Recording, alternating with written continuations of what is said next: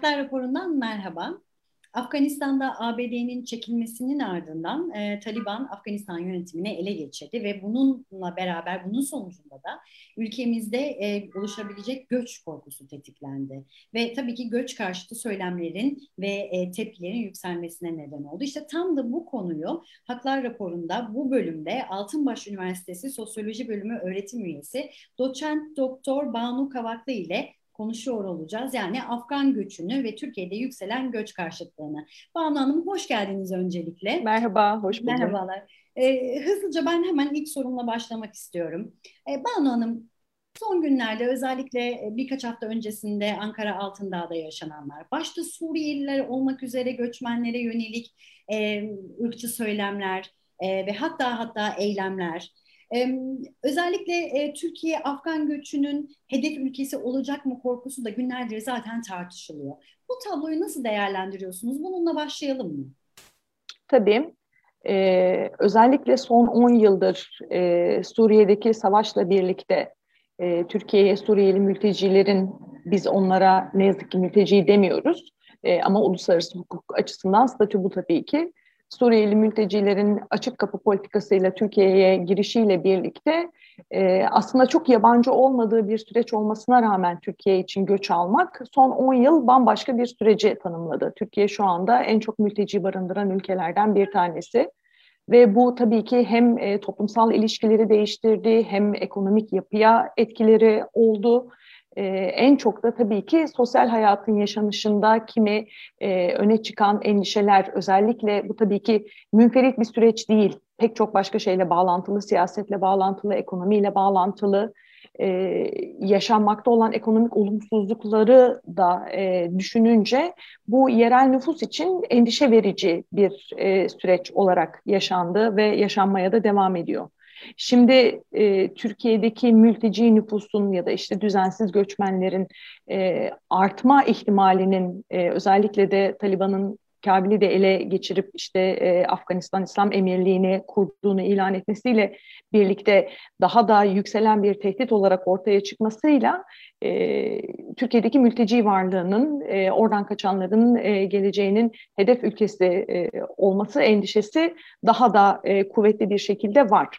E, bu yerel nüfusta bu hissin olması e, çok yanlıştır, çok gariptir, böyle olmamalıdır, böyle hissetmemelidir e, demek aslında e, doğru bir yaklaşım değil. Yani insanlar böyle hissediyorlarsa e, bununla ilgili bir takım açıklamalar yapılması, işte kimi politikaların uygulamaya geçirilmesi, e, belirsizliğin ortadan kaldırılması çok önemli. Bunlar hükümet nezdinde yapılması gereken şeyler büyük ölçüde.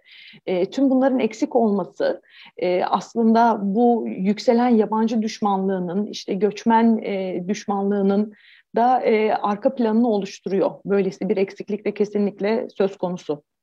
Peki yine Afganistan üzerinden devam edecek olursak Banu Hanım, şimdi Afgan e, göçünün geleceği konusunda Türkiye'nin Afganistan'daki rolü ve tabii ki Taliban'la olan ilişkisi muhakkak ki orada belirleyici olacaktır.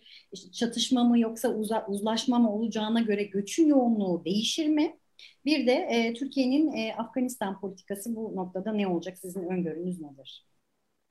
Ee, böylesi durumlar yaşandığında yani işte savaş yaşandığında böyle ciddi bir rejim değişikliği olduğunda ve toplumsal hayatı bu denli etkileyecek şekilde yaşandığında e, göç aslında kaçınılmaz hale gelebiliyor. E, ne yapılırsa yapılsın kolay kolay engellenebilecek bir süreç değildir. Ne duvar engeller, işte ne e, vize vesaire kağıt belge talep edilmesi engeller aslında. E, Afganistan'da son dönemde aslında son 40 yıldır yaşanmakta olan ama şimdi e, kartların yeniden karılmasıyla e, başka bir seviyeye ulaşmış olan değişiklik sebebiyle Afganistan'dan kaçışlar olacak. E, hem siyasi baskı hem toplumsal hayattaki zorluklar hem de ekonomik yoksunluklar sebebiyle zaten bir Afgan göçü söz konusuydu. Türkiye yeni bir hedef ülke haline gelmedi Afganlılar için. E, fakat tabii ki bu son durumla birlikte Afganistan'da kalmak hayatını doğrudan e, riske sokan çok daha büyük bir nüfus var. Kadınlar bunun başında geliyor. Meslek sahibi kadınlar. İşte e, e, iş hayatında faal olan kadınlar, STK'larda yer alan kadınlar, idarecilik yapan bürokrat olan kadınlar, e, onların e, hayatları e, çok daha büyük bir risk altında şu anda. E, onların muhtemelen çıkışı için başka türlü süreçler de e, gerekecek olabilir. E, uluslararası kamuoyunun da e, belki e, müdahalesiyle. Ama bir yandan da e, bir genel ülkeden ayrılma da zaten devam etmekteydi. Şimdi çok daha had safhada e, yer alacak. Bunun ne şekilde nasıl yaşanacağında e, uluslararası bir aslında e, görev paylaşımı olması gerekirdi. Fakat e, son dönemde yaşananlara, açıklamalara, Avrupa Birliği'nin, e, Amerika'nın, İngiltere'nin e, beyanlarına baktığımızda e, ortak sesin Afgan göçmenleri istememek olduğunu görüyoruz. E, bu Avrupa Birliği içinde, Amerika içinde aslında yeni bir tutum değil. Suriyeli mültecileri de istemiyorlardı. E, zaten son e, 5-6 senedir e, gördüğümüz her türlü aslında diplomatik girişim de bu hani göçü yerinde durdurmak e, diye böyle çok hoş bir e, söylem gibi sunulan e, argümanın nasıl ne şekilde uygulanabileceği, göçü yerinde durdurmaktan kastedilen aslında bizim sınırlarımıza gelmesin. Yani bırakınız ülkemize gelmesin, sınırlarımıza dahi gelmesin. E, o yüzden Türkiye'nin burada oynayacağı rol e, önemli e, Taliban'la nasıl bir e, uluslararası ilişki içinde e, olunacağı da e, belki kimlerin çıkacağını, kimlerin çıkmayacağını yani e, izinli ve yasal yollardan çıkacağını belirlemek açısından bir e, faktör olacaktır. Çünkü hali hazırda Taliban'ın kitlesel göçe izin vermediğini, e, sınırları e, daha sıkı kontrol e, altında tuttuğunu e, biliyoruz.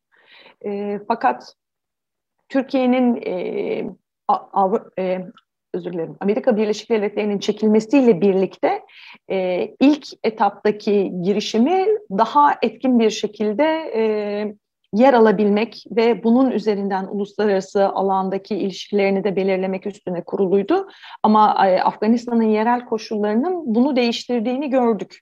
E, o yüzden bundan sonra nasıl ilerleneceği tek başına aslında Türkiye'nin kararlarına da değil, e, Taliban yönetiminin ne gibi politikalar izleyeceğine, ne yapacağına, buna e, uluslararası e, kamuoyunun nasıl tepki vereceğine de biraz bağlı. Yani daha e, bu onun e, yaptığı bir açıklamanın işte Taliban'ın izleyeceği yola göre e, uzlaşıda olabilir e, değerlendiriyoruz şeklinde olduğunu görüyoruz. Yani orada da belirsizlik henüz aşılmış değil.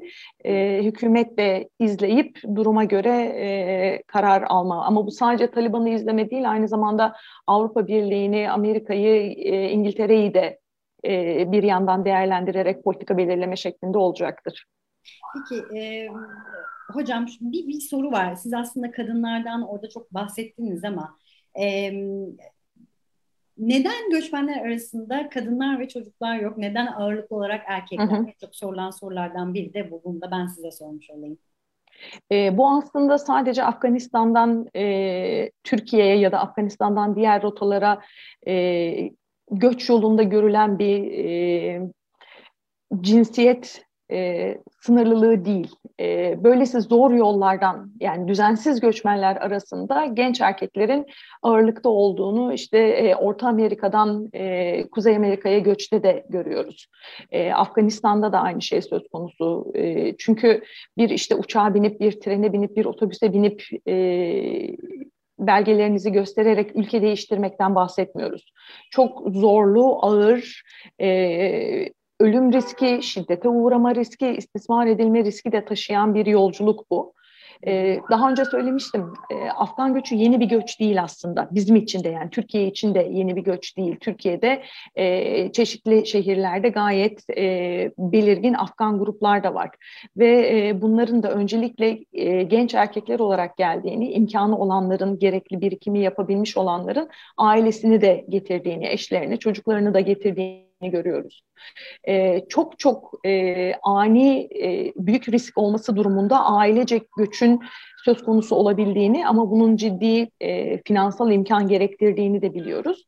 O yüzden genel uygulama genç erkeklerin şimdi ülkede koşulların değişmesiyle kaçakçılıkların kişi başı kaçakçıların kişi başı talep ettikleri kaçakçılık ücretleri de arttı. Yani geçilmesi gereken iki sınır var. Önce Afgan-İran sınırı geçiliyor, ardından İran-Türkiye sınırı geçiliyor.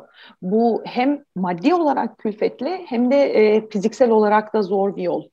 Ee, örneğin e, ne yazık ki kış geçişlerinde e, coğrafi ve iklim koşulları da çok zorlu olduğu için e, pek çok kişinin hayatını kaybettiğini, işte e, İran-Türkiye sınırında, Van civarında örneğin e, karlar eridiğinde, hava e, yumuşadığında e, bu yolculuğu başaramamış insanların cansız bedenlerine ulaşıldığını da biliyoruz.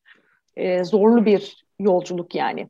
E, ve erkekler uzun süredir ailelerini ekonomik olarak desteklemek için çünkü demiştim ya bu sadece e, bir ülke değiştirme meselesi değil ekonomiyle de bağlantılı toplumsal hayatın e, işte çekilebilir olması olmamasıyla siyasi baskıyla da bağlantılı bir durum. Ama ekonomik koşullar bile tek başına bir çare olarak sadece Türkiye'ye değil Pakistan'a gidenler de var başka ülkelere gidenler de var. Ama Türkiye e, etkin kullanılan rotalardan bir tanesi e, genç erkeklerin gruplar halinde kaçakçılar marifetiyle e, ülkelerini terk edip Türkiye'ye geldiğini, e, daha sonra düzenli olarak ailelerine para göndermeye çalıştıklarını, e, imkanı olanların ailelerini de getirmeye çalıştığını biliyoruz.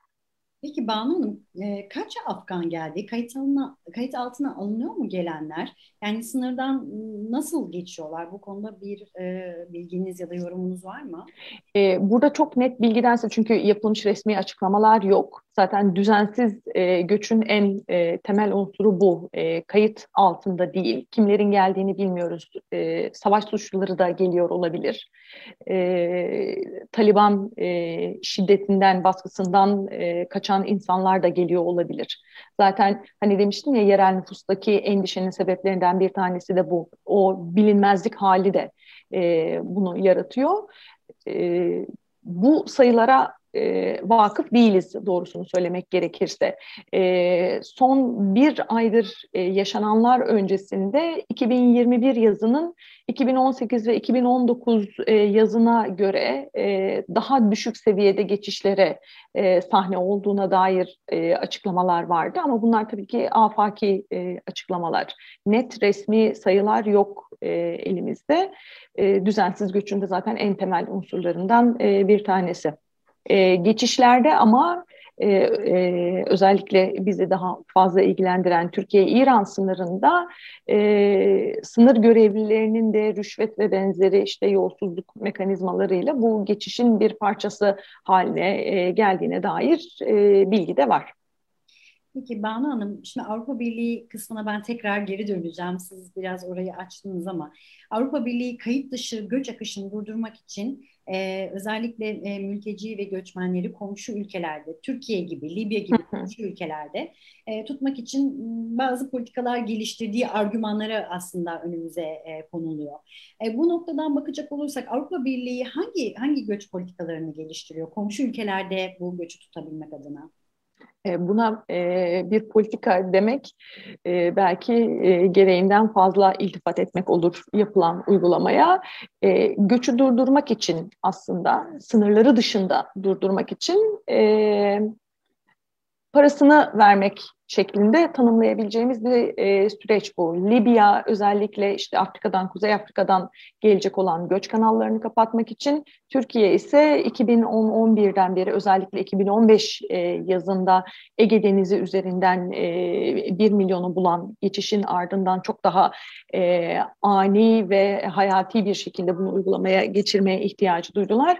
Bir şekilde e, Avrupa'ya girişleri kapatmak. E, zaten öncesinde Frontex diye e, bir sınır e, koruma e, Avrupa içi uluslararası e, ordu ve sistemini kurarak sınırlarını korumaya çalışıyorlardı. Yani fiziksel bir şekilde sınır kontrolü e, sağlamak. O yüzden e, Suriyeli mültecilerin ilk e, dönemlerdeki kullandıkları Avrupa'ya geçiş hattı aslında Ege Denizi değildi. Karayolu üzerinden Türkiye'nin kuzeybatı sınırından e, geçiş yapılmaya çalışıyordu. Buranın kapatılmasıyla birlikte Ege Denizi'ne kaymıştı.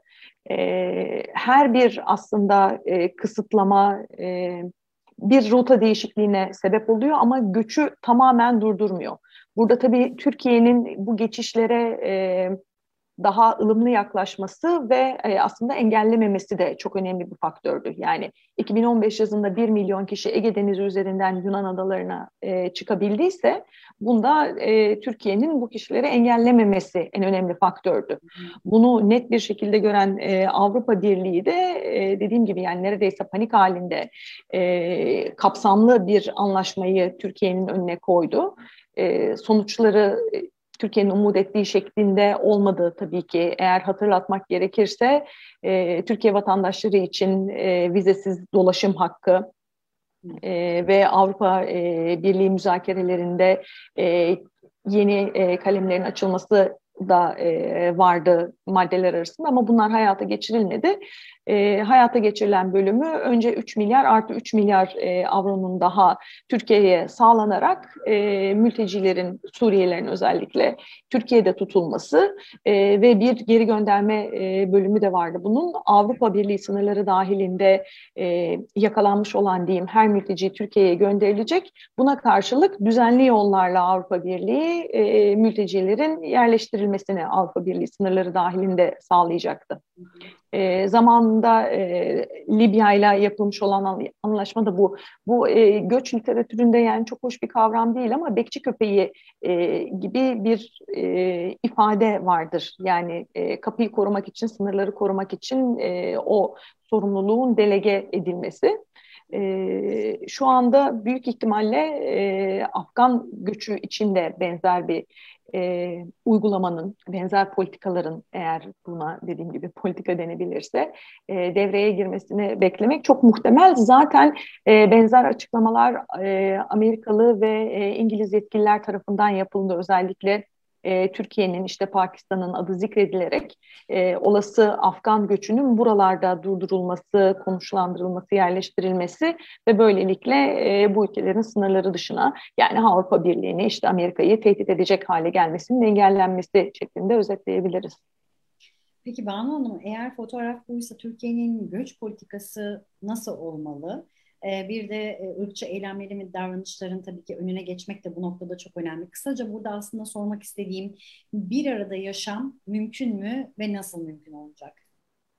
Bir arada yaşam tabii ki mümkün. Ee, zaten bunun mümkün olduğunu bilerek buna erişmek için e, çabalıyoruz.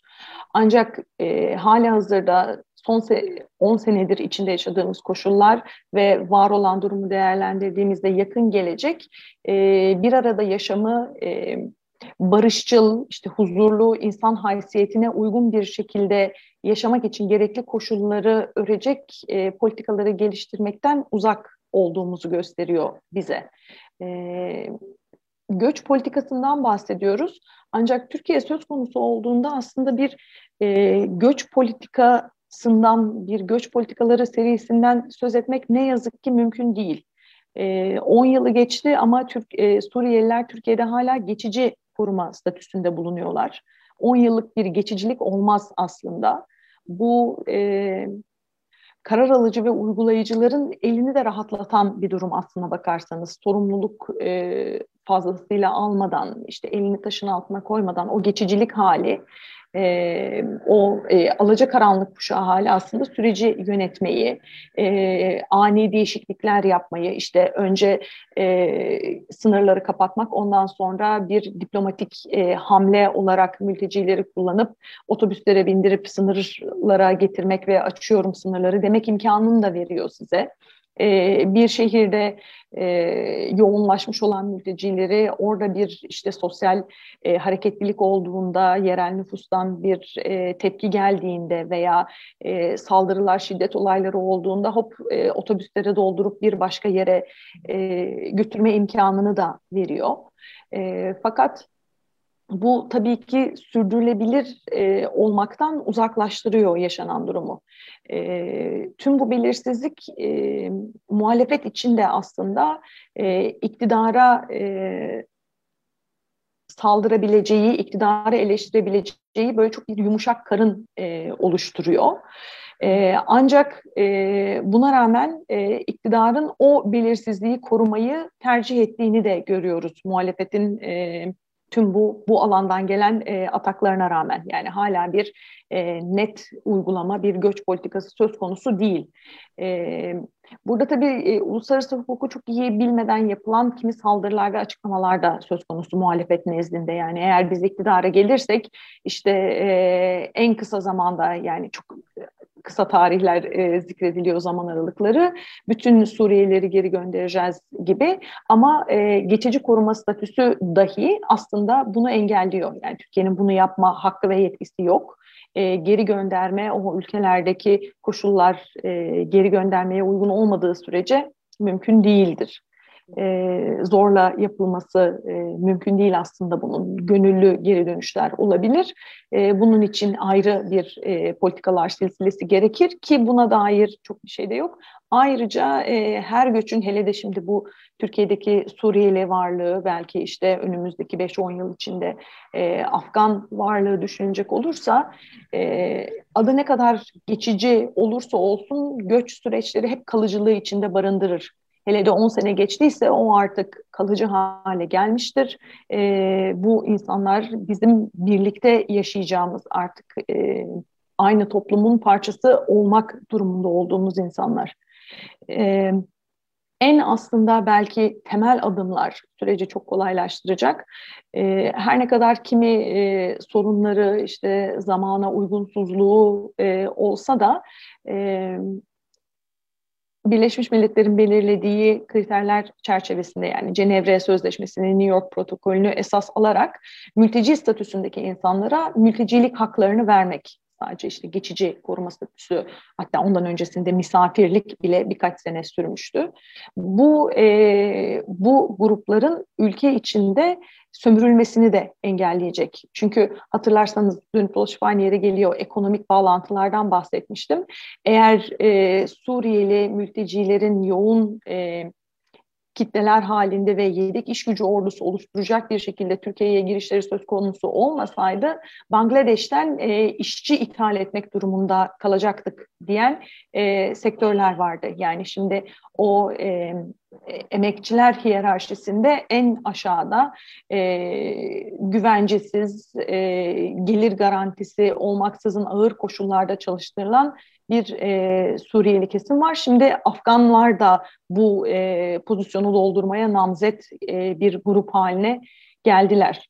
E, o yüzden eğer uluslararası hukuk dahilinde haklar tanınır, çalışma izni, oturma izni e, sağlanırsa, çalışma izni daha da önemli olan tabii ki e, kayıtlı çalışma. Hem e, işte 10 senedir çalışıyor şu anda insanlar e, Türkiye'de ama e, çalışamaz hale geldikleri anda gelir garantisi yok, emeklilik yok, e, sosyal güvence yok. Yani bu aslında onları çalışamaz hale geldiklerinde gene e, bağımlı bir kendi kendine yetemez bir e, grup olmaya e, ve gene sömürüye açık olmaya itiyor. Böylesi bir asimetri olduğunda toplumun çeşitli katmanları arasında birlikte yaşamak daha da güç hale geliyor.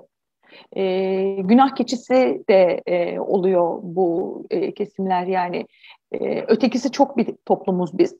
E, pek çok ötekimiz var. E, Suriyeliler son ötekilerimizden de şimdi Afganlar da yeni bir öteki e, grup olarak bu toplumsal hiyerarşide yerlerini alacaklar gibi gözüküyor. Evet, göçün aslında ekonomik boyutu yani kayıt dışı çalışma boyutu da ayrı bir tartışma konusu ama bugünkü yorumlarınız için çok çok teşekkür ediyorum. Haklar raporunun bu bölümünde Afgan göçünü ve Türkiye'de yükselen göç karşıtlığını konuştuk. Bir başka bölümde görüşmek dileğiyle hoşçakalın.